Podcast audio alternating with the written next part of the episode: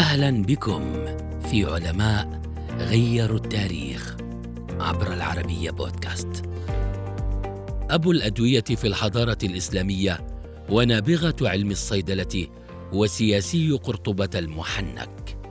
إنه أبو المطرف عبد الرحمن بن محمد بن وافد اللخمي الملقب بابن وافد الطليطلي نسبة إلى مدينة طليطلة في الأندلس التي ولد فيها وفق الراجح العام 997 ميلادي.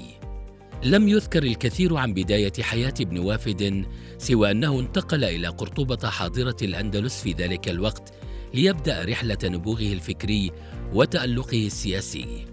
تلقى علوم الطب عن مجموعة من العلماء منهم محمد بن عبدون الجبلي وسليمان بن جلجل والعالم الشهير أبو القاسم الزهراوي كما درس علوم الصيدلة والنبات واهتم بالفلاحة والأدوية المستخلصة من الأعشاب الطبيعية.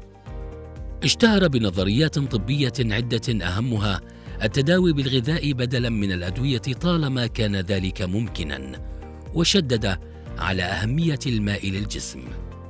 تذكر مراجع تاريخية أن ابن وافد استغرق في جمع الأدوية وترتيبها نحو عشرين عاما واهتم بالأدوية المفردة غير المركبة والتداوي بالأعشاب والنباتات. كانت له مؤلفات عدة أبرزها كتابه الأدوية المفردة ويعد من أهم كتب الأدوية. ترجم إلى اللاتينية وانتشر في أوروبا خلال القرون الوسطى واعتبر من أهم المراجع العلمية في الغرب.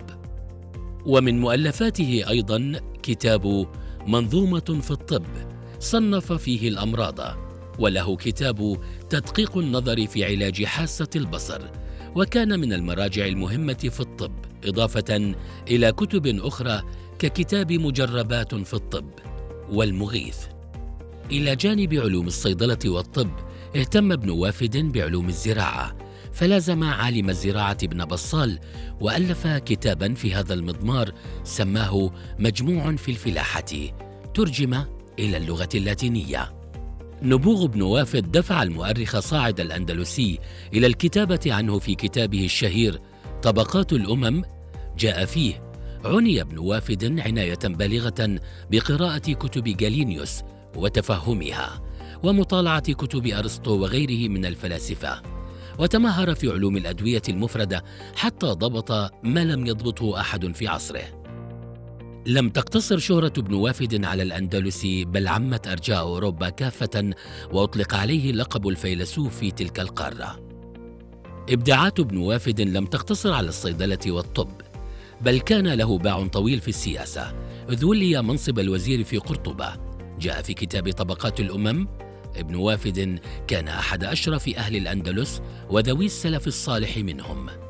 توفي وفق الراجح سنة 1076 ميلادية تاركا وراءه إرثا علميا عظيما مكنه من أن يتبوأ بحق أعلى المراتب العلمية في الحضارة الإسلامية والعالم أجمع.